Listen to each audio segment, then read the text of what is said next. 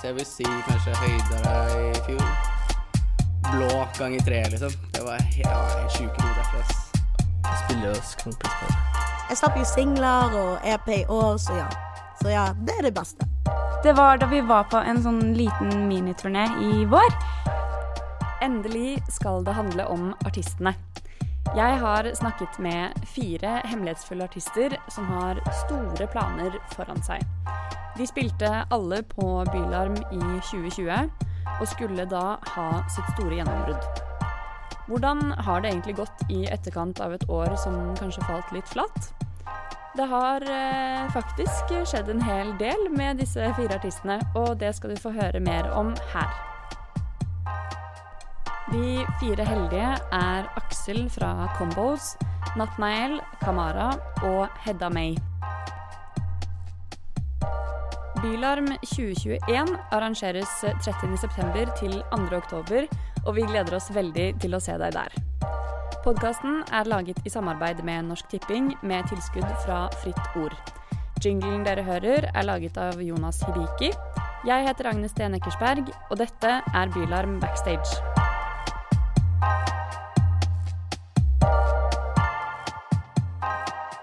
Før jeg starta innspillingen med Aksel, spurte han meg om det var noe han ikke kunne si eller snakke om under innspilling. Jeg svarte nei, og det syns jeg setter tonen ganske greit for vår lille prat. Bandet han spiller i, Combos, fikk masse god kritikk for albumet de slapp i 2020, og er blitt omtalt som Trondheim-rockens nye monster og et liveband av proporsjoner. Her er en liten smakebit av hvordan Combos høres ut, før jeg tar en prat med deres vokalist Aksel.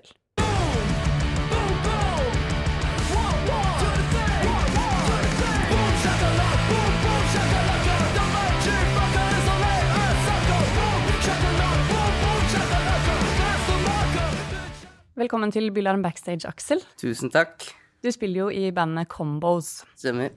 Kan ikke du først fortelle meg eh, hva som er det beste dere har gjort det siste året? Eh, definitivt Bylarm først. Det var helt sykt. Og så ga vi ut skive i mai, dessverre. Det var heftig med alle de anmeldelsene som vi fikk. Det var helt sjukt, faktisk. Det er liksom alltid tenkt er du i avisa, så er det legit. Så da var vi der. Og så fikk vi spilt noen høstkonserter også. Det var nice. Blå var også det sykeste da. Så jeg vil si kanskje høydere i fjor. Blå ganger tre, liksom. Det var ja, helt sjuke konserter, ass. Ja. Mm. Dere fikk jo virkelig mye oppmerksomhet. Ja, det er jo helt vilt. Det var årets stjerneskudd og noe greier. Det var noen nominasjoner der og ja. Det har Årets stjerneskudd-nominasjon, Mm. og dere fikk masse omtale i både norsk, men også internasjonal presse. Ja, internasjonal, internasjonale, ja. Ja. Jeg på meg, det er heftig, da. Dritnice. Ja, ja. Nei, det var, eh, det var positiv tilbakemelding. Det var litt sånn, Jeg kom på det egentlig et par måneder inn i koronaen. Jeg sittet på sofaen en stund, liksom. At det var sånn Under den første gigen på Blå, så var det liksom bare pff, Det var bare Alt skjedde, da. Og det var bare plutselig så skulle vi spille festivaler og og utlandet og bare whatever, liksom. Og så bare gikk jeg helt i skyene og litt sånn eh, Ja. Det blir litt sånn Man føler at man er der allerede, liksom. Men hvor lenge hadde dere jobba med bandet da? Før Bylarm? Um, vi Skal vi se uh, Kanskje Det var liksom ikke ordentlig band på starten, da. Da var det liksom bare noen demoer som ble til en EP når vi bare var tre stykker. Og da hadde vi ikke spilt sammen engang. Så vi spilte én låt sammen i studio før vi begynte å recorde, liksom. Og så holdt vi litt på, og spilte litt i 2019. Så ja, første gigen vår var på Trondheim Calling. Det var også helt sinnssykt. Da, da packa vi tyven, liksom. Jeg tror det var der vi spilte, da. Og det tror jeg det gikk over kappen, og det var bare helt insane, liksom.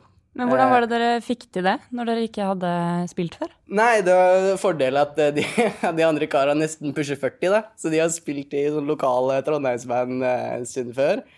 Eh, Og så tror jeg egentlig det bare var liksom litt ordet fløy og sånn, da. Og så hadde jeg før det, så hadde jeg spilt i Company Inc., eh, som også var en Trondheimsband. Som jeg kan hende hadde hatt noe med det å gjøre. Eh, så vi hadde også spilt på Trondheim Calling første gig året før, som også var veldig fett. Um, nei, det var Ja. Men hadde dere noe plateselskap, management, i ryggen da? Nei. Men vi har, eh, vi har på en måte en eh, Vi har en slags inngiftet eh, Hva man skal kalle det.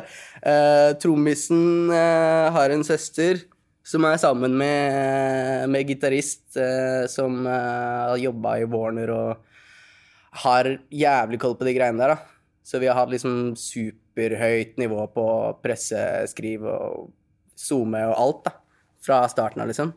Pusha jævlig eh, på radio og whatnot, liksom. Det tror jeg har hjulpet helt sinnssykt. Så all honnør til henne for det, ass. Men da, tilbake til da dere spilte på Bylarm, så spilte dere jo både på eh, John D og på Blå, som du nevnte. Um, men fortell litt om de giggene. Hvordan var de, hvordan var de ulike? Var Ja. som Nei, den blå giggen var mer rowdy, sånn sett. Da tror jeg det var færre, færre bransjefolk, egentlig. Fikk inntrykk av det, i hvert fall. Og så var det sånn Hva eh, mener du? Kan ikke bransjefolk best? Nei, men det var, det var liksom Det var flere jevnaldrende med meg, da, i salen. I hvert fall. Tror jeg. Eh, og mange sånn kompiser og sånn. Altså, vi, vi er jo fem stykker i bandet, så det var jo nok til å liksom Jeg tenker at det var mange av de.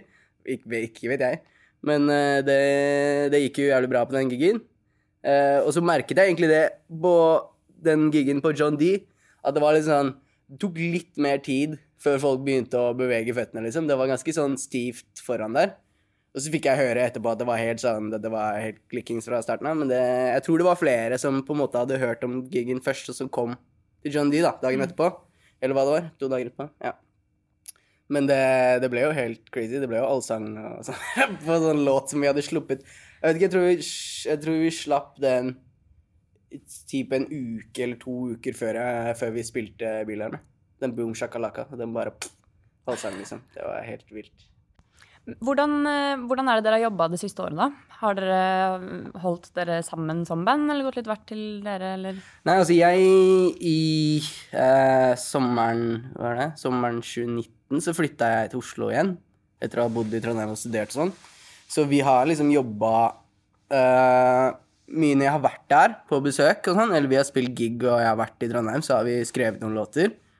Uh, men stort sett så har de mekka ting på øvingsrommet, da. Og så sendt meg bare opptak som jeg har skrevet til. Lage demo hjemme. Og så er det flere Det er flere låter vi har spilt sånn nesten første gang på gig sammen.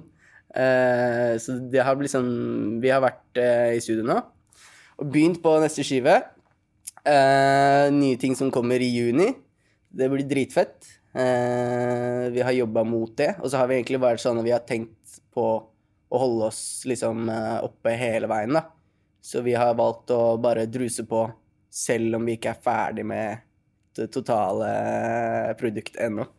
Så det blir liksom litt til as we go, da. Det er egentlig litt gøy, for da får vi se respons på det vi har gjort så langt mens vi lager resten.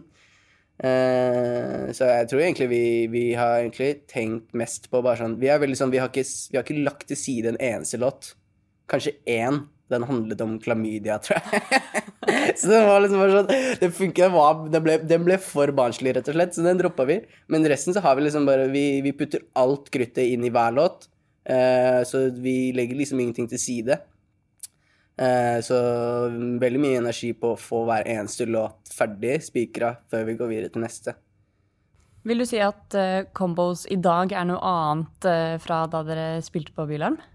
Ah, ja, det vil jeg si.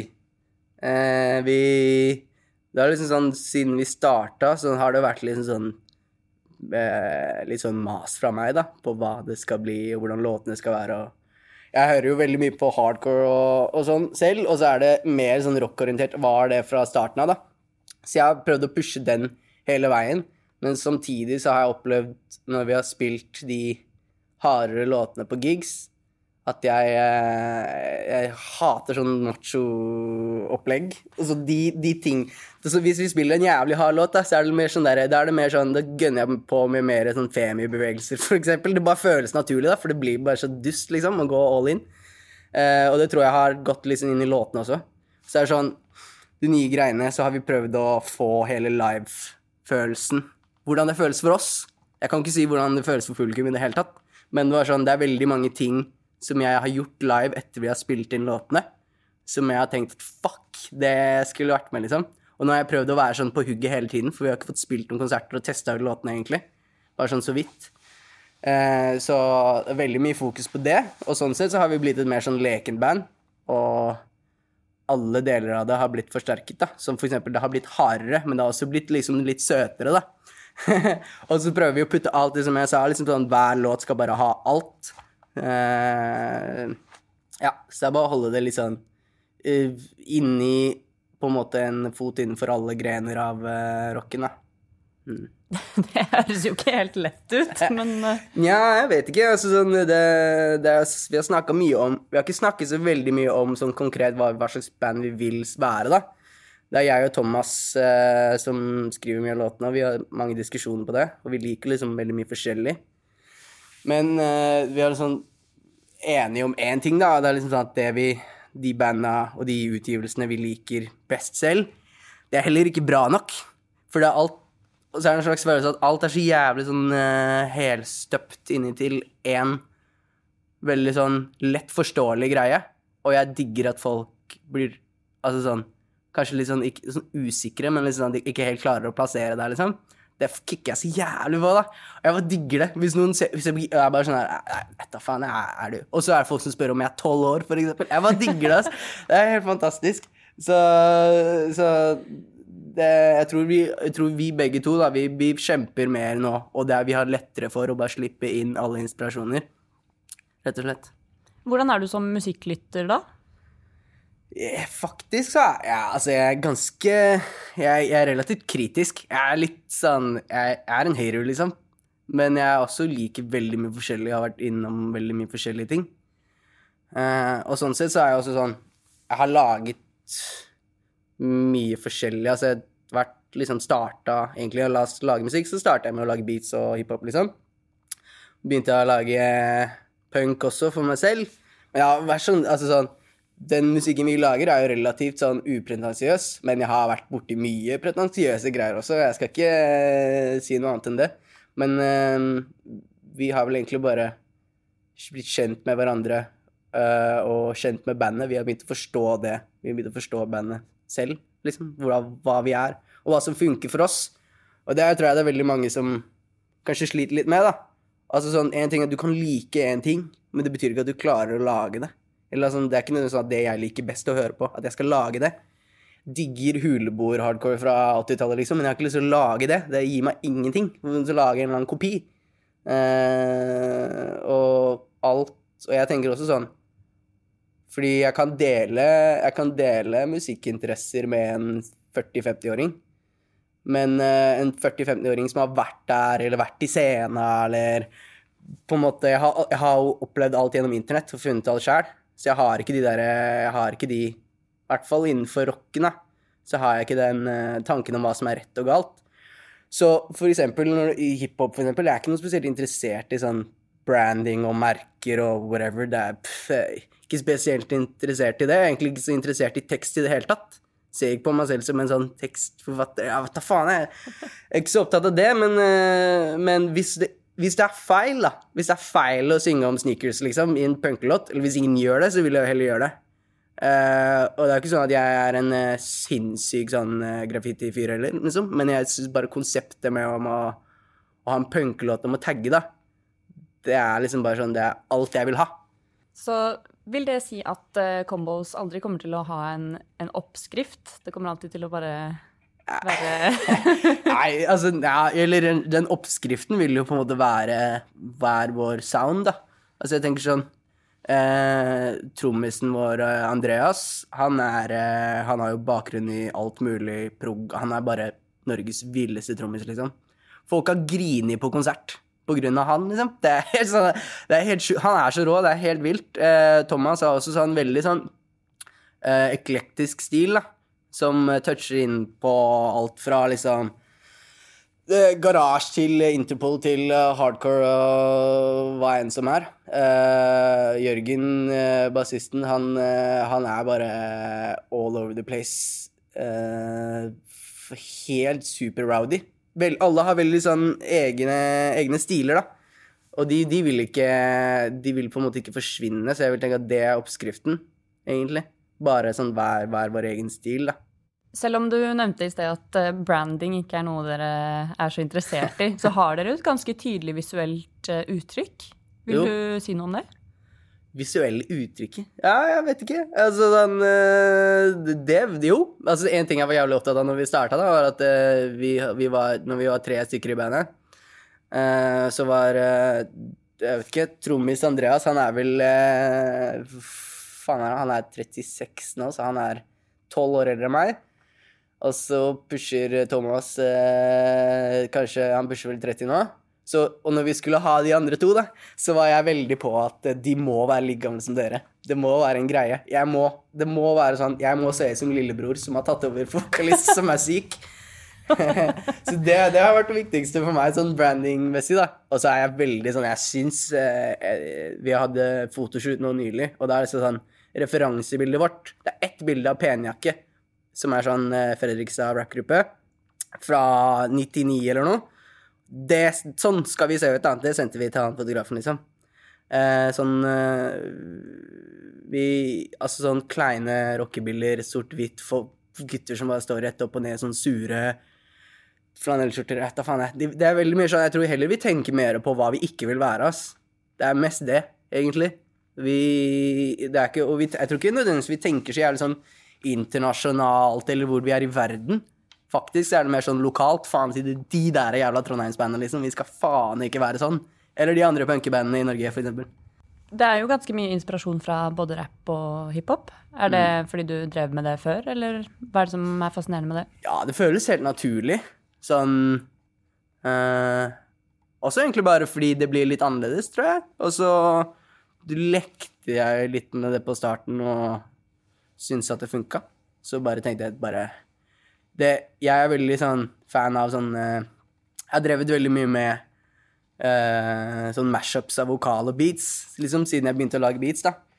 Og for eksempel den Mad Beef-låta vår. Der var egentlig tanken at det var en jente som skulle synge på refrenget, og så skulle det være litt sånn eh, R&B-aktig. Og da ble det sånn Ok, ja, det går ikke, så jeg får bare gjøre det selv. Og når jeg gjør det selv, så høres det jo ikke helt ut som tanken, da. Men den låta der er jo bare straight up rapcore, liksom. Sånn alt som er feil, da. Men uh, jeg syns det er Jeg synes spesielt det er morsomt, fordi jeg tror vi fikk høre noe ganske tidlig sånn Limp Bizkit og Rage kan jeg for, forstå, for så vidt. Eh, men at det er så jævlig fucka. Det, liksom, det, er, det er helt Folk hater det, liksom. Jeg, har alltid, jeg, har ikke, jeg er ikke spesielt fan av det sjøl. Jeg har hørt masse på Rage da jeg var kid, men er liksom, hele konseptet syns ikke jeg er spesielt fett. Men det at vi kan få det til å funke, syns jeg gjør det enda fetere, da. Noe jeg ikke liker selv engang. Å få det til å bli heftig, liksom. Eh, Du sa at dere var på en, photoshoot, og at det kommer album. Hva, hva er det som skjer fremover for dere, da?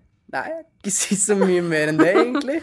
Det blir jævlig fett, da. Det blir helt sykt rått, liksom. Det er uh, Jeg føler for hver låt vi har spilt inn, så er det liksom det er det, det, er det beste vi kunne laga, liksom.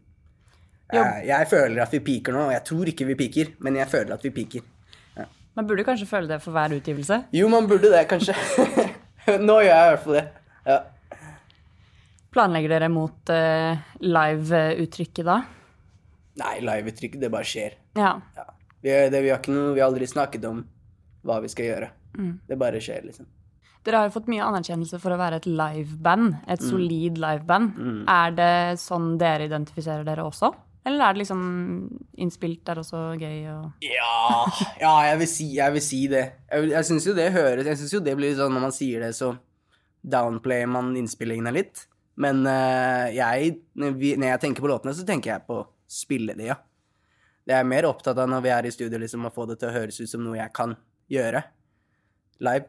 Eh, og, og være Og heller være sånn For det er veldig, sånn, veldig lett for meg å bli sånn Jeg kan tenke for mye. I, I øyeblikket så kan jeg liksom si Bitch! Fuck yeah, fuck bitch! Fuck ah! Men hvis jeg er i studio og får høre det 30 ganger, da, så er det Ja. veldig lett å tenke Nei, faen, jeg skulle kanskje ikke sagt den bitchen, og det ble én bitch for mye. Forrige gang jeg var i studio, så tror jeg vi klippa ut 20 bitch fra hele, hele, hele albumet. Og, men denne gangen så har jeg tenkt på nøyaktig det, da, faen. Og det er sånn Thomas sier, òg. men, men du, vi må ha det, fordi du, du kommer til å si det. Altså, det er helt riktig, jeg kommer til å si de tingene. Så, sånn sett så, så tenker vi mye på det, ja. Du nevnte før vi begynte innspillingen at eh, du har litt dårlig hørsel. Ja. Hva er, hva er det du har drevet med? Det, nei, det var jo liksom sånn god blanding av sånn masse øreverk når jeg var kid, og bare sikkert musikk på musikk rett i øra. Rett og slett høyt. Nå hører jeg relativt lavt. Og jeg kan være han døve fyren som ber folk om å skru ned og sånn. Det er sånn jeg Kan du skru ned litt? Jeg hører så dårlig. Det, har jeg, det har jeg kan i hvert fall si den på slutten. Nei, det hjelper litt, liksom. Skru ned, jeg hører så dårlig. Ja, faen, jeg får jo ikke med meg hva folk sier, ikke ja. sant? Det er jeg, jeg, jeg, har, jeg har sånn, jeg har sånn, så har jeg sånn limit. Hvis jeg har sagt 'hæ' tre ganger, så bare gir jeg opp. Så det er veldig sånn Jeg tror kanskje 20% av det folk sier, så bare gjetter jeg meg til. Mm. Betyr det at du kommer til å bli en mer forsiktig liveartist, eller? Det er på ingen måte. Jeg har kjøpt meg propper, da. Så Ja. da skal jeg slite på å tenke på det. Mm. Det er bra. Takk for at du ville komme og snakke med meg. Takk selv. Takk for at du kom.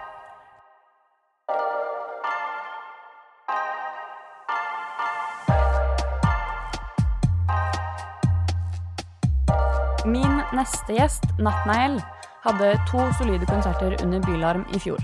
Med sin eh, imponerende fine stemme og gode låter har han fått eh, mye bra omtale siste året. Han ble nominert til eh, Spellemann i den nye kategorien R&B, og opptrådte under utdelingen. Jeg er nysgjerrig på hvordan det siste året har vært for Nattneil. Klokken.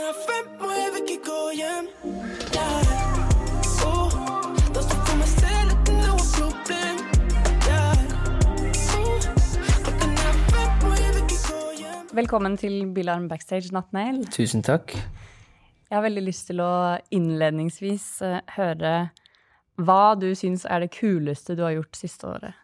Hva er det feteste? Det siste året, Mm. det må jeg si Å spille hos kronprinsparet, Ja, egentlig. jeg tenkte meg litt det. Ikke sant? Kan du ikke fortelle litt om det? Fordi det var i sammenheng med Spellemannprisen. Stemmer. Ja. Eh, Jeg var jo nominert, og så Jeg fikk mail fra manageren min om, at jeg skal spille på Spille, spille under Spellemann. Eh, sa ikke noe mer hvor det var. Og så sa han at det var hjemme hos kronprinsparet at eh, teamet fra Spellemann ville at jeg skulle være der og spille hjemme hos dem i Skaugum, liksom. Og det var helt sjukt, bare. Egentlig. Fikk du snakke noe med dem? Uh, ja, liksom bare litt. Men jeg følte jeg var veldig sånn Jeg var str- starstruck av det, liksom. Av den. Ja. Skikkelig, liksom. Så jeg var så dritnervøs.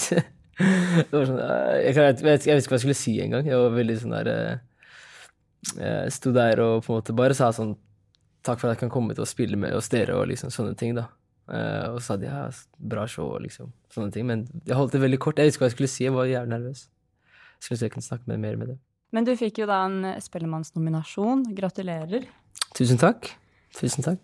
Og for litt over et år siden nå, så spilte jo du på Bylarm. Stemmer. Både på Revolver og Mm. på Rockefeller. Yeah. Og Rockefeller er jo litt big deal. Mm. Det er jo en stor scene i Oslo. Var det, hva, hvordan var det å spille på sånne store scener? Nei, det var jo eh, Jeg har jo spilt liksom med folk og sånn før, på Rockefeller og sånn, men, eh, Men ikke, ikke mitt eget show, på en måte. Det føltes eh, Det var en veldig deilig følelse, faktisk. Eh, og man er jo litt sånn nervøs fordi man liksom har nylig sluppet musikk og sånn, så man tenker på sånn vil, vil det komme masse folk, eller eh, den greia der, da. Altså, for det er jo ganske stort, stort sted å på en måte fylle, liksom. Eh, men jeg er veldig, veldig eh, overrasket og glad for oppmøtet liksom, av folk som var der og så på. Dritbra show. Eh, ja, jeg var veldig fornøyd. Altså. Og jeg likte liksom Bylarm-gigen på Rockefeller var veldig nice, med tanke på venue og liksom lysshow og helt, var helt sykt lydshow og sånn. Men eh, på, på Revolver, da følte jeg det på en kanskje litt helt annen måte, liksom. Det var mye mindre, mye mindre plass også, da, men da liksom hadde jeg liksom Det var, det var som en sånn intimkonsert, liksom, og det var, det var jo pult, så det var bare sånn en helt annen type energi, energi der, og det var, eh, det var gøy, faktisk. Altså. Det er jo fett å få spille to kvelder på så forskjellige scener. Ja, ja, det er det. Og jeg tenkte sånn her ah, sånn, skal jeg, jeg skal spille, først spille på Rockefeller, skal jeg spille på en sånn liten, liten venue, liksom. Men Men det var Jeg syns begge var dritt, dritfett, liksom. Det var dritnice. på Revolver så er det liksom Du har folk rett her, liksom rett i ansiktet nesten. Du ser alle vennene dine og, og masse andre folk liksom bare er der og synger med deg og liksom sånn. Det var en helt, eh, helt amazing eh, kveld, altså. Da du spilte på Bylarm, hadde du allerede et team rundt deg da? Ja, ja. Mm. Så det det. var, eh, det var store planer som var lagt rundt deg? Ja, ja, absolutt. Mm. Så hadde jo Jeg har vært i Nora i noen måneder, og um, ja, selskapet Så ting var eh, ting var, på, ting var på G. Ting var på plan. Men det ble ikke sånn. Men jeg er takknemlig for at det ikke gikk utover selve konsertene på Bylarm, på en måte. Det er vi alle. Det, det hadde vært uh, jævlig kjipt, liksom. Nei, jeg søkte jo um, Bylarm i 2019 uh, som demoartist. Mm. Og da hadde jeg ikke noe management, uh, ikke noe selskap heller. Og så kom jeg ikke inn, da. Hva var det som gjorde at du hadde lyst til å søke Bylarm da? Nei, fordi at liksom, jeg har alltid visst hva Bylarm er, på en måte. Og det er jo som en sånn up and coming artist, så er, er liksom det en av de målene man vil være Det er, ja, det er et, et sted man vil være og spille, da. Så det er sånn Når man er der, liksom, så føler jeg at det er sånn der, sånn check, sånn derre Uff, nå har jeg gjort det, på en måte, da. Um, så jeg tenkte sånn Ja, faen, jeg må, jeg må liksom søke Søke for å prøve å komme inn og få spilt og sånn, da. Og så gikk det ikke, gikk det ikke, dessverre. Men når du ser tilbake på det, Mm. um, syns du det er synd at du ikke fikk spille da? Eller var det litt bra fordi da fikk du forberedt deg? Jeg syns det var egentlig bra at jeg, at jeg ikke spilte da, på en Ja. måte, fordi liksom jeg hadde, jeg hadde akkurat gått over til å gjøre ting på norsk, for jeg drev og gjorde ting på engelsk og liksom forskjellig Jeg gjorde på engelsk før, da. Og så hadde jeg begynt å gjøre ting på norsk. Og når jeg hører på de låtene i dag, så er det sånn oh, god damn, liksom, det er, Ja. Ting er på et helt annet stadium nå enn det det var da. Så liksom Det er bra, bra at Der og da så føltes det så jævlig kjipt og ikke liksom ble plukka inn, liksom. Men når jeg tenker på det nå, så er det sånn Det var bra at jeg egentlig ikke spilte da, eller heller viste min beste side året etterpå med låt, bra låter, liksom. Mm. Noen ganger så blir man, alltid, man blir så gira på at man vil bare få til ting, til at ting skal skje med en gang, på en måte. Og det er sånn, hvorfor, hvorfor han spiller der, hvorfor kan ikke jeg spille der? Eller den greia der. Men jeg føler at alt skjer for en grunn, på en måte. Og så at liksom Tiden din kommer uansett, da. Så det er liksom Be patient with that. Og bare Og liksom ikke gi deg selv om det ikke går. Og eh, som du sier, da, så er liksom det er ikke bare å liksom ha noen kule låter og litt sånne ting. Det er et ganske stort arrangement, da. Så det er litt greit med at man En ting er at man har bra musikk, men også hva er planen videre, som gjør at det, det dyttet du får av bylarm, må være noe som du får bruk av framover, og ikke bare sånn herre Du har noen kule låter, og så får du dytt, og så har du ikke noe plan, og ikke noe management eller ikke noe selskap på en måte, som tar det videre, eller det, den greia der, da. Ikke at man ikke kan være selvstendig og få til ting, det er ikke det jeg sier, men jeg, jeg, jeg hadde ikke en sånn solid, solid plan ennå. Jeg var liksom i, i kontakt med selskapet som jeg, var, som jeg signerte i, liksom. Så jeg husker jo at han ene A&R min sa sånn Da da hadde jeg akkurat liksom møtt han, da. Bare sånn her, ja, ikke stress med det, ikke sant. Men jeg var sånn Nei, jo, jeg vil, jeg vil spille, la, la, la, la. Bare ikke stress, men vi tar det liksom neste år med ordentlig plan. Så jeg, jo, jeg vil gjøre det, la, la, la. Og så gikk det ikke inn, og så tenkte jeg Jeg var litt irritert, men mm. så setter jeg pris på det i dag, da. Ja, det, det er bra. Man, blir litt irritert, og så lærer man av det. Ja, det er det. Det er jo det. Men eh, noen planer skjer jo ikke, og man må endre planer, og eh, sånn er det. Men, eh, men hva er det som eh, har vært morsomt å få til eh, i etterkant av Bylarm, da? Som faktisk har blitt gjennomført? Jeg tror Ja, det å bare liksom ikke, ikke la seg stoppe med å gi ut musikk, egentlig. Og gjøre det beste man kan Gjøre det beste ut av det, liksom. Så jeg vil si det å på en måte bare fortsatt gi ut musikken, og ikke tenkt at Ja, ikke la det stoppe opp, liksom. Så ja, jeg vil si gi ut musikk. Har du fått vært mer i studio? Ja, det, det har ikke faktisk ikke påvirka så mye av hva som skjer i studio, for det, ikke for min del i hvert fall. da. Så jeg får jo vært i studio og lagd musikken, og, og det er vanlig, liksom. Mm. Så det kjipeste partiet med det er jo å ikke kunne spille live. Mm. Hva med uh, Nattnegl i dag? Mm. Hva slags planer ligger foran deg? Jeg kan ikke si så veldig mye egentlig rundt det, men det er i hvert fall et, et prosjekt som skal komme til høsten. Um, som er fokus veldig All fokus på, egentlig. Uh, altså skal jeg droppe litt musikk nå, veldig snart. Slipper en ny singel 11. juni, faktisk. Nice. Så um, Så det er det, er det altså. Og så håper jeg på at ting Nå har ting begynt å åpne, åpne, åpne seg igjen og litt sånn der, så det det å på en måte kunne gjøre konserter det er, Jeg sier bare konserter, konserter, for det er det eneste jeg tenker på å gjøre. Det liksom det, beste, det er det beste jeg vet med å lage musikk, er å spille shows. Og kunne vise det til folk, på en måte. Så um, Alt annet har du jo fått gjøre det siste året. Ja, ja. studio, skrevet musikk. Skrevet musikk, og det er sånn Ja, ok, nå må jeg liksom uh, Jeg må bare få Jeg må bare kjenne på energien fra en crowd hvor jeg spiller liksom musikken min som jeg ikke har spilt live, på en måte. Uh, og når du ikke får spilt noe live, så bare lager man musikk i studio og sånne ting, men det er bare sånn det er noe som mangler, på en måte. Og da Jeg skal være ærlig at det, det føltes litt at føltes at inspirasjonen har vært litt tung, på en måte. I hvert fall under pandemien og sånn. Fordi at man Selvfølgelig, alt er jo stengt, og at man føler ikke at man på en måte helt lever, hvis du skjønner. Det blir bare sånn, Ting bare går i en sånn sirkel, da. Sånn, Jeg går til studio, lager musikk, og så hjem, og så liksom Det er bare så Det samme skjer igjen og igjen og igjen og igjen. Nå som du har hatt mer tid til å være i studio og ha sessions, Mm. eh, hvordan eh, Har du fått jobbet med noen, eh, noen forskjellige produsenter eller andre artister som du har kunnet ta inspirasjon fra? Ja, på forrige, forrige prosjektet mitt, Mannequin, så hadde jeg ikke noe featurings i det hele tatt. Så det har gått, nå har jeg tenkt at jeg må gjøre litt mer featurings, så jeg har jeg har gått inn for å gjøre det, egentlig, holdt jeg på å si. Jobbe litt med flere folk. Og så har jeg um, også reacha til forskjellige produsenter som jeg syns er fete, som jeg ikke har hatt helt mulighet til å jobbe med før, som jeg har hatt mulighet til å jobbe med nå. Så det har blitt mange spennende prosjekter som jeg er spent på å vise folk etter hvert, egentlig. Eh, som sagt så skal jeg slippe nå en ny låt nå, 11. juni. Og den har jeg egentlig venta veldig lenge med å slippe. Um, så det blir, det blir spennende å vise det til folket. Og så og så er det en annen ting også med liksom pandemien som jeg sant, At ting er stengt, og så dropper du musikk som på en måte er kanskje energisk, eller liksom sånn noe som folk kan på en måte danse til, vibe til. Så jeg håper jo at eh, at det måte at jeg kan se, jeg kan se folks reaksjoner på, på låta. Ikke bare at de er hjemme og på en filmer seg selv, eller noe, men bare sånn ute i parken eller viber til det på den måten der.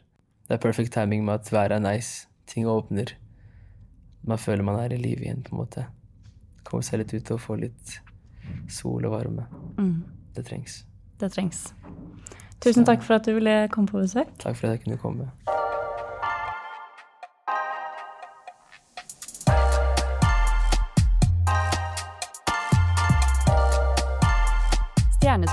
Kamara fra Bergen har virkelig fått ting til å skje.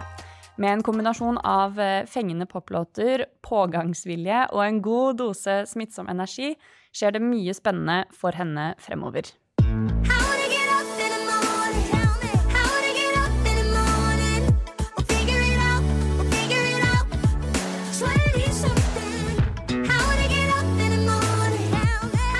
Velkommen til Bylarm Backstage, Fato. Takk. Eller Kamara, som du også heter. Takk, Agnes. Thank you for having me. Jeg har veldig lyst til å høre først om eh, hva som er det beste som har skjedd med, med deg og din eh, artistvirksomhet siste året. Jeg slapp jo singler og EP i år, så ja. Så ja, det er det beste. Du spilte på Bylarm i 2020. Ja. Eh, og da spilte du først på Rockefeller, Ja. og så på Blå. Ja. Kan du ikke fortelle litt om eh, den følelsen av å skulle spille på Bylarm? Jeg føler jeg har på en måte bare blacket det ut, men det var, jeg husker, for jeg har jo alltid fulgt med på Bylarm siden sånn 2014, da Aurora debuterte på Bylarm. Så det, liksom bare det å vite at jeg At jeg skulle spille på Bylarm, var kjempenervepirrende, men veldig gøy. Jeg satte jo veldig stor pris på det. Jeg føler Bylom er jo det perfekte springbrettet for nyetablerte eller up and coming artister. Så at det endelig skulle bli min tur. Og at var, jeg var veldig heldig, for teamet mitt og vi jobbet veldig hardt, så jeg fikk veldig mye presse rundt det. Det var veldig mye promogreier, og vi jobbet veldig hardt med det i forkant. Så det var amazing. Og eh, jeg husker, på, i hvert fall på Rockefeller-gigen, så bare husker jeg var skikkelig sånn stille. Sånn, det er bare sånn You know, like quiet before the storm. Rett før jeg skulle på, så bare ble det sånn helt Jeg var veldig rolig, jeg var veldig kontrollert. Jeg var veldig kontrollert og, bare sånn. og det er veldig rart for meg, for jeg er sånn ADHD-bitch, like, løper rundt hele tiden. Og alle i bandet mitt og teamet mitt var sånn Går det bra? Jeg sånn, ja. ja. ja. Så jeg husker bare at det var veldig Det var veldig gode nerver, da. Mm. Så jeg gledet meg. En stor ting. En stor ting, herregud. Rockefeller. And I got a bone to pick, cause y'all niggas put me late. I was like, I, I started til deg i. Like, sorry, Joakim, love you, babes, but listen to me. Like, because you ikke bytte, like, å spille klokken ett på biler er, er blessing for det biler, men samtidig enten folk er enten veldig dritings, eller så har folk gått hjem fordi de er sliten, og de har vært på biler og sett 500 konserter. Men du hadde jo bra stemning på Rockefeller-gigen. Jo, det var bra stemning, det er helt sant. Jeg er takknemlig. Det var, jeg, det var veldig bra stemning, of course. Men eh, det var bare sånn Ja, ja, vi får bare ta det som det kommer, og jeg koste meg uansett. Ja. Og så spilte du på Blå også, som Ja. jo er en helt annen type scene. Ja, det var, det, det var jeg, føler, jeg vet ikke hvorfor, men jeg fikk veldig sånn Berlin-vibes av blå på biler. Skjønner du hva jeg mener? Ja. Og sånn steinbygg og bare sånn Ja, så det var veldig gøy. Ja, jeg var mer nervøs til Rockefeller, egentlig, for liksom, det var jo første gigen vi gjorde, og det er fuckings Rockefeller. Liksom anerkjent venue i Oslo. Så jeg var mye mer nervøs til den gangen enn blå. Blå var litt lættis, syns jeg. Det var litt sånn eh, like, gøy. Du hadde jo et team i forkant, sa du. Ja. Um, hvem var det du hadde med deg da? Jeg signerte med um, Made året før, Made Management, og så kom Sony med på bølgen Sony Music i litt sånn kanskje noen måneder før desember. Jeg tror jeg begynte å snakke med dem i desember, liksom eh, vinterhøsten 2019. Og så møtte vi Sony ATV, eller Sony Music Publishing da. Bare, jeg har bare fortrengt 2020, så datoer er litt sånn wonky. Men eh, i hvert fall de tre partene begynte, vi, eller begynte jeg å snakke med forkant. Så da var jo ting litt sånn planlagt da du skulle spille på Bylarm. Ja. Var løpet litt sånn lagt opp til hva som skulle skje i etterkant? Ja, men jeg ble booket til Byland, for jeg husker jeg spilte min første showcase, nei, min første gig som Kamara året før, på Blå. Uh, på Camp Indies scene. Og jeg husker sånn uken etter så ble jeg booket til Byland. Så liksom, da var allerede Byland i boks. Sånn, Og det var veldig, veldig gøy, da. Og så liksom etterpå begynte liksom folk For jeg føler med en gang liksom du blir booket til Byland, og folk vet du skal spille Byland, så får du enda mer oppmerksomhet på deg. Så jeg liksom, da følte jeg at de andre partene var sånn hm, Hvem er du? Hva gjør du? Hm, hva skal du? Hm, kanskje vi skal ta et lite møte? Som jeg elsker, for det er for alltid gratis ting. gratis mat, gratis Vi har snakket om dette! Bylam. Det beste med Bylam er å finesse folk. Finesse gamle hvite menn på Bylam. Hei, babes, gi meg drikke, gi meg alkohol. Amazing. Love that for me. Gratis mat. Love that for me. Jeg er veldig takknemlig for Bylam, som jeg sa, for jeg føler at Bylam er et veldig bra springbrett for up and coming artister. Og jeg, vil bare si takk til dere, you know, because uh, you guys make it possible. Og Bylam er et sykt, for det er liksom et veldig stort møtepunkt for musikkbransjen i Europa. Det er sånn Jeg tror faktisk Bylam er den største. Er ikke sånn Av skandinaviske land så er Bylam den største. I Norden, ja. Jeg syns det er sykt at liksom store internasjonale eh, bransjefolk kommer til lille Norge eller til Oslo for henge i noen dager. Og liksom at dere få inn booking. Jeg husker jeg var på sånn Og seminarer! Det beste med Bylam er seminarene og, og konser- konserter og seminarer. Og bare sånn muligheten til å liksom møte en bookingagent som booker for Coachella, liksom. Nå får du noen gang muligheten til bare sånn Ja, jeg har booket Coachella, liksom, du får jo aldri det. Eller sånn bookere som kommer fra Roskilde. Det syns jeg er dritfett. Så jeg vil bare si takk til dere. Takk i like måte. Yeah. You give me the opportunity to like smisk. Bare gi dem et kompliment, Få dem de til å kjøpe drikke okay. til deg. Networking-skole med kamera. Ok. Bare gå bort og bare sånn hei, yo, bro, like, hjelp meg.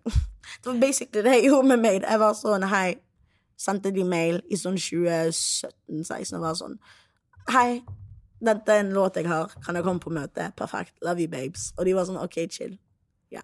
Det er jo kjempebra tips, for Ja. å være helt ærlig. Ja, det, er sånn, jeg føler, jeg har jo lest Jeg pleier alltid å si at det, før, før jeg begynte um, Så var, når jeg var, gikk på videregående Så hadde jeg mål om å få et management Før jeg gikk ut Og det var jo alltid sånn How to make it in the music industry 101 på Google Og bare sånn rommet mitt så crazy ut Bare så masse sånne nære bilder av bransjefolk It was a lot It was a lot Og så var jeg liksom sånn Med sånne røde streker. ja, sånn der true, true detective crime board. Ja. Og bare sånn Mikael Telle, Linnea Lysand, Geir, Helga. Ja, made. Og, eh, og så bare var jeg sånn Alle artikler var sånn Ikke send demoer som er unsolicited. Jeg var sånn OK, sendte demo. var, alle, demo alle, alle artikler var sånn Ikke send demo. Det er uproft. Jeg var sånn fuck you, inner mom, send demo. Og så gikk det. Man må bare liksom prøve. Og så gikk det, og så eh, året etter ble vi booket til Bylarm, så like, you know, it's amazing. Mhm. Men eh, tilbake til eventuelle planer etter Bylarm. Ja. Men så ble det jo voldsomt stille. Ja. Eh, hva var det første som, eh, som skjedde da, i etterkant av Bylarm? I etterkant av Bylarm, det var helt ærlig, jeg husker ikke. For jeg husker, jeg husker jeg ble veldig lei meg for jeg skulle spille Spotfestival, og det er på en måte Bylarm i Danmark. Absolutt. Så liksom, jeg bare sånn ah, Min første internasjonale gig. Selv om det er bare Danmark. eh, Like. Skal bare sånn to meter ned. Andre etasje. Men eh, jeg ble uansett veldig lei meg for jeg skulle spille spot. Men det er gjort, jeg skal spille Iceland Airwaves i november i år, da. Så, det, Ja. så jeg har gjort opp for det. Det skjer jo nå. Det skjer jo nå. Det er nå det skjer, så jeg gleder meg. Det var egentlig bare sånn at jeg prøver å tenke singelslipp og bare som holder seg relevant med musikken istedenfor konserter og møter og de andre tingene. Men helt ærlig, jeg føler alt skjer for en grunn, og du må bare gjøre det beste ut av det.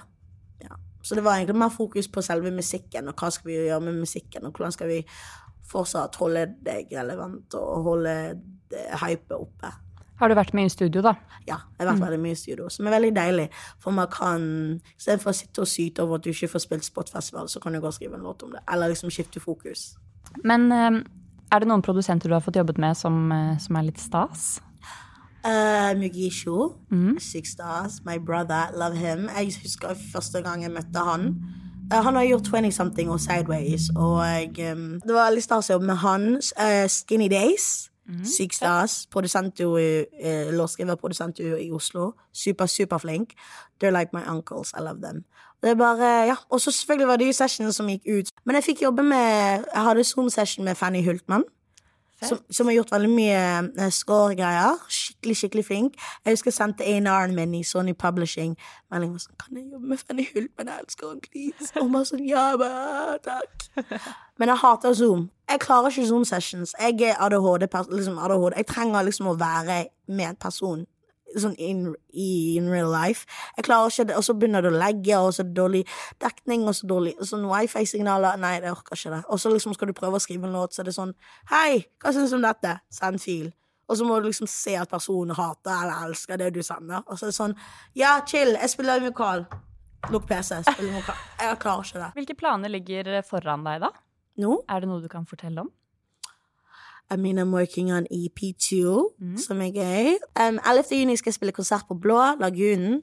Blå sitt nye konsept. Full True. Du kan finne billetter i bioen min på Instagram. Ja.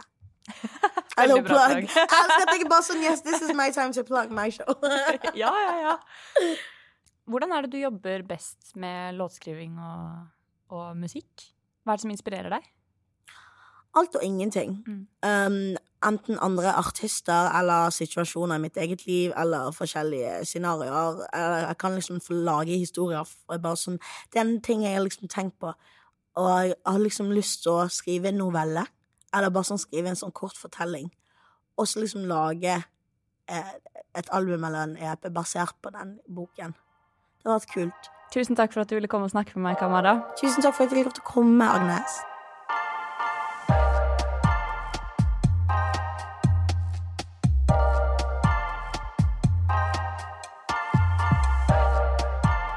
Hedda May har entret eh, popscenen med overbevisning og farger for de som tar den referansen. Hun kommer stadig med ny musikk, og var eh, også å se på NRK for ikke så lenge siden. Jeg lurer på hvordan eh, karrieren har utvikla seg siden Bylarm i fjor.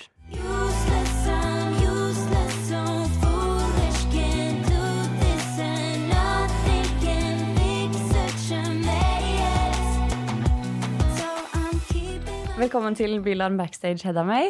Tusen, tusen takk. Jeg har veldig lyst til å først høre om hva du syns er det beste som har skjedd det siste året.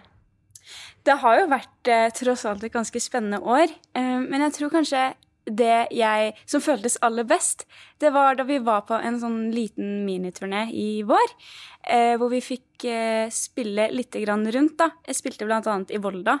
Eh, og jeg har jo ikke spilt så mange konserter i løpet av de to siste årene. Eh, så dette var den første konserten jeg følte folk hadde hørt låtene fra før av. Og at de hadde liksom kjøpt billett for å komme og se oss. Og det føltes skikkelig, skikkelig bra. For den følelsen har jeg hatt enda da, siden vi har spilt mest på type bransjefestivaler som var før vi slapp noe musikk som helst. Så det var, en skikkelig, det var en skikkelig fin opplevelse. Det er ikke alle som har fått spilt så mye live. Nei, generelt eh, ganske lite av det. Du spilte jo da på Bylarm i fjor, i 2020. Mm, Da spilte du først på Vulkan Arena, og så på Rockefeller. Ja, stemmer. Fortell litt eh, om de konsertene. Hvordan var det for deg å spille på Bylarm?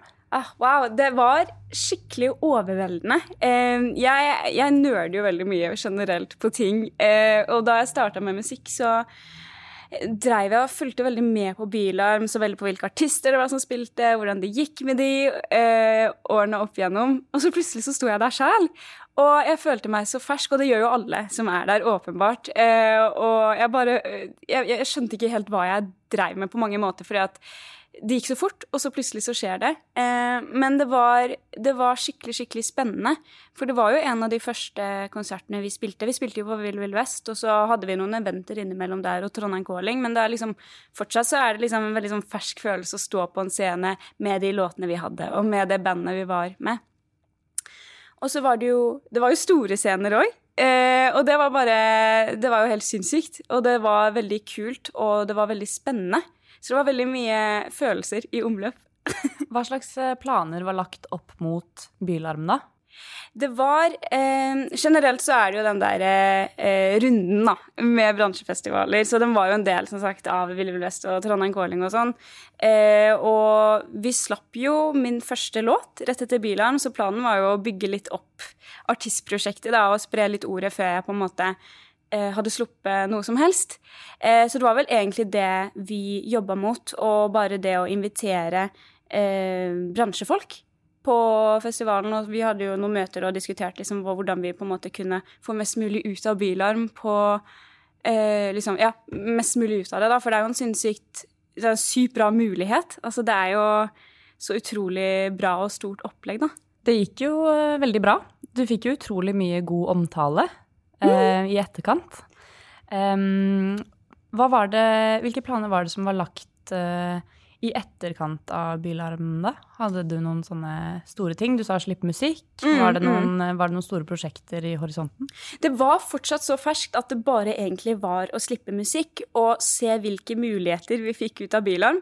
Eh, og da var, det jo, da var det jo en del eh, Vi fikk jo en del kontakter, og det ble jo en del booka, da. Det var det jo. Eh, og liksom litt festivaljobber og eventjobber og ja, igjen kontakter. Eh, men det var liksom ingenting som på en måte var ordentlig satt, som på en måte begynte å Det begynte å rulle litt, da. Eh, og så rakk det akkurat å starte så vidt før det stoppa opp igjen med korona.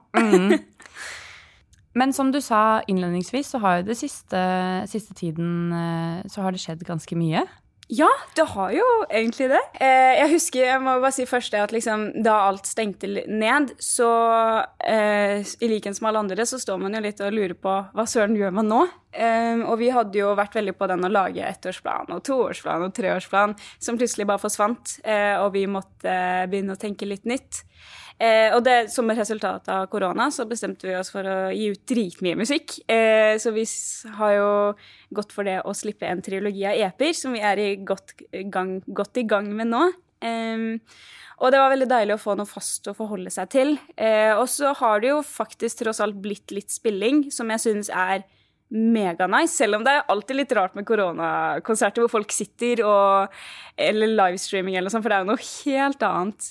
Em, så det var på en måte litt det høsten gikk til. Og så i år, i januar typ, så var jo innspillingen av De neste, som er et TV-program som har gått på NRK, som jeg fikk tilbud om å være med på. Og det, det setter jeg sykt pris på, og det var en veldig fin mulighet i en tid som det her, eh, hvor vi ellers liksom ikke har hatt så mye vi egentlig kan gjøre. Eh, og det har liksom vært en veldig fin eksponering og erfaring. Bare det å være sammen med så mange flinke folk. Herregud. Eh, Vil du fortelle kort om hva konseptet går ut på? Yes. Det er da et program der vi er på en måte seks ferske artister, og så er det seks eh, sånn type legendeartister som har holdt på en stund og har hatt masse låter og liksom virkelig fått det til, da. Eh, og konseptet med programmet var egentlig at vi skulle covre låter fra eh, disse folkene her. Em, og ja, så hver episode så fikk vi tildelt en ny låt som vi skulle på en måte sette litt vårt eget preg på, og ja, prøve å gjøre en coverversjon av. Du har jo sluppet disse låtene i etterkant også. Ja, Og vi det har gjorde jo det. Gått veldig bra med de. Ja, Mhm. egentlig det var veldig rart å liksom slippe låter på norsk og sånn, for jeg har aldri sunget på norsk før det her, så det er gøy å prøve seg på det òg. Så det er jo nice at det er noen som hører på det også. Men kan du ikke fortelle litt om, eh, om din eh, stil av musikk? Nå har du jo gjort disse coverlåtene og gjort de til ditt eget. Og hva er egentlig deg? Jeg føler den gjennomgående røde tråden er jo det retro-soundet. Eh, jeg vil jo kalle det for retropop. Men det, det har vært viktig for meg å hele veien kunne holde dører åpne sjanger- og soundmessig. Jeg er jo veldig glad i å eksperimentere. Um, og eksempel den triologien da, som vi er i gang med å slippe nå, er jo veldig hver EP vil jo være veldig forskjellig i sound, selv om det som da går igjen, er jo den retro-viben. Men for eksempel så var jo første var jo veldig Anderson Pack og Bruno Mars-inspirert, og EP nummer to som kommer nå, er jo veldig 90s på mange måter, og det har liksom vært mer typ eh, Britney og Justin Timberlake som ligger som sånn inspirasjonskilder her, da.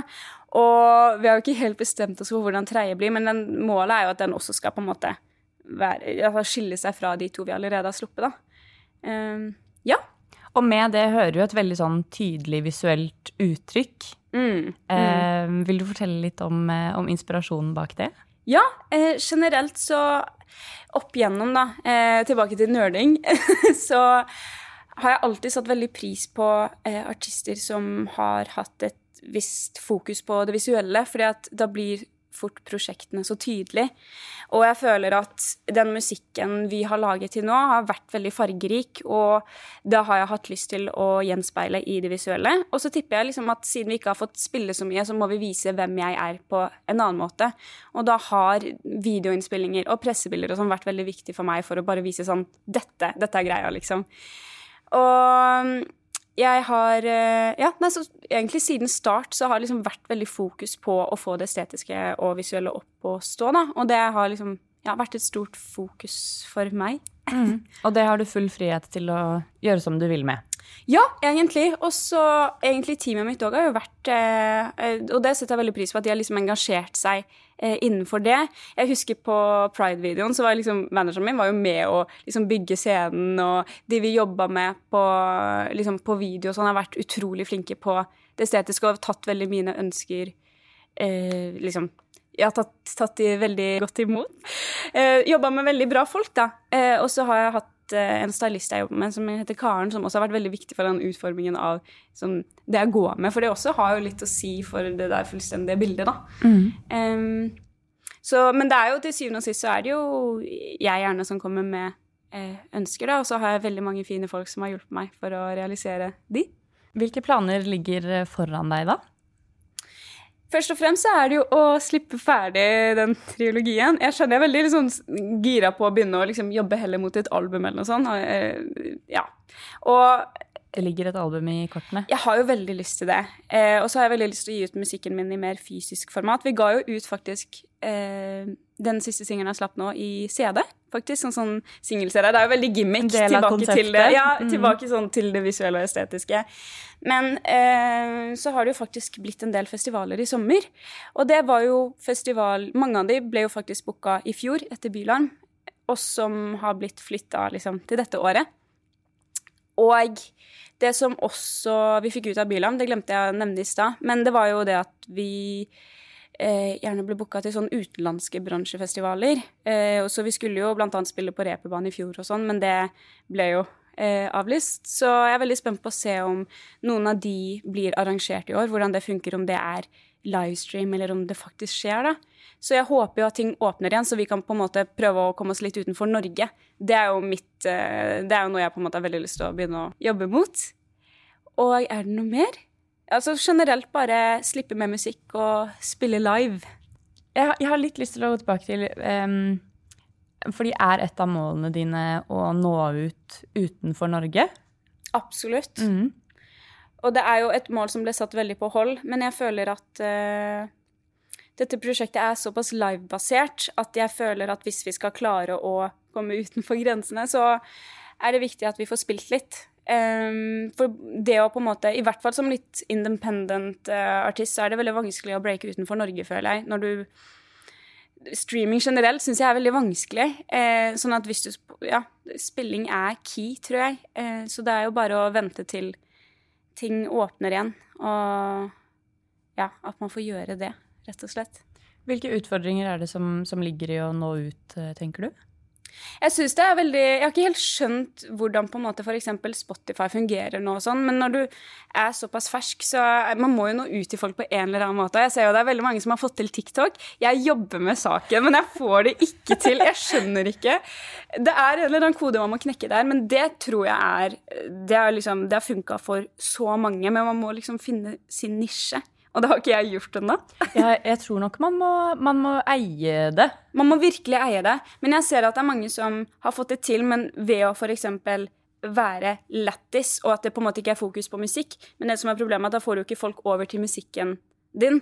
Um, og jeg er jo ikke en person Eller sånn Nei, jeg har ikke funnet min greie ennå, men det, det skal jeg jobbe med, for det tror jeg er viktig. Um, jeg har jo veldig sånn Jeg syns jo det hadde vært utrolig fint å få til et, liksom, hjelp utenfra, da et team som er utenfor Norge òg, for det tror jeg også kan hjelpe veldig. Men alle de eh, dialogene forsvant jo litt, så jeg syns det hadde vært veldig spennende å kunne plukke opp noen av de igjen, da. Men så nå for deg så er det meste på sosiale medier. Ja, det er jo det! Det er alt på, altså Skjermtiden min nå etter korona altså, den har seriøst dobla seg. Jeg blir så sykt lei meg hver uke hvor jeg får sånn derre Skjermtiden din forrige uke sitt snitt var 70 timer. Og jeg er sånn Nei! Ikke snakk til meg nå! Men det går jo veldig hånd i hånd med eh, disse konseptualiseringene dine og sånn, Mm, og det mm. visuelle. Ja. Eh, er det gjennomtenkt at det på en måte fungerer godt i sosiale medier for å spre eh, ditt eh, budskap og din musikk? Absolutt. Jeg håper jo at det er eh, litt mer eh, altså sånn fristende for folk å sjekke det ut, da. Med farger og at det er litt sånn ah, shit, nice. Og med ads og alt mulig, så er det jo Det er jo litt Det er jo ganske tydelig, da. Ehm, og ja, jeg føler jo at jeg veldig fort introduserer folk for hvem jeg er. Og også noe jeg har lagt fokus på sånn rundt Bylarm. Og egentlig da vi starta artistprosjektet òg, er jo bare generelt å liksom vise litt fjes i mine person... Nei. Person- Sosiale medier. Jeg, jeg begynte jo å vlogge. altså sånn, Det første jeg gjorde, var jo å starte å lage vlogger på YouTube. Og det er skikkelig, det er skikkelig sånn crap-vlogger med mobilkameraet mitt og liksom sånn brødristerformat i kvalitet, liksom. Men det er jo en måte å vise hvordan Jeg, jeg lagde sånne vlogger eh, fra når jeg var i studio med Benjamin, som har vært med å produsere alle Hedda May-låtene.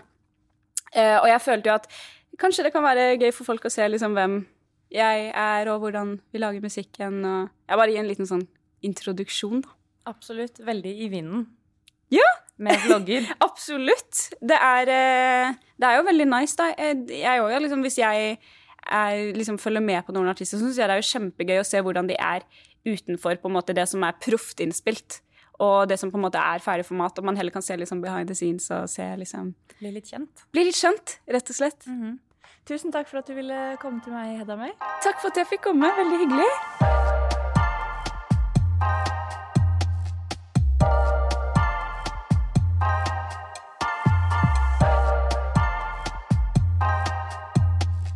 Tusen takk for at du hørte på Bylarm Backstage. Så høres vi i neste episode.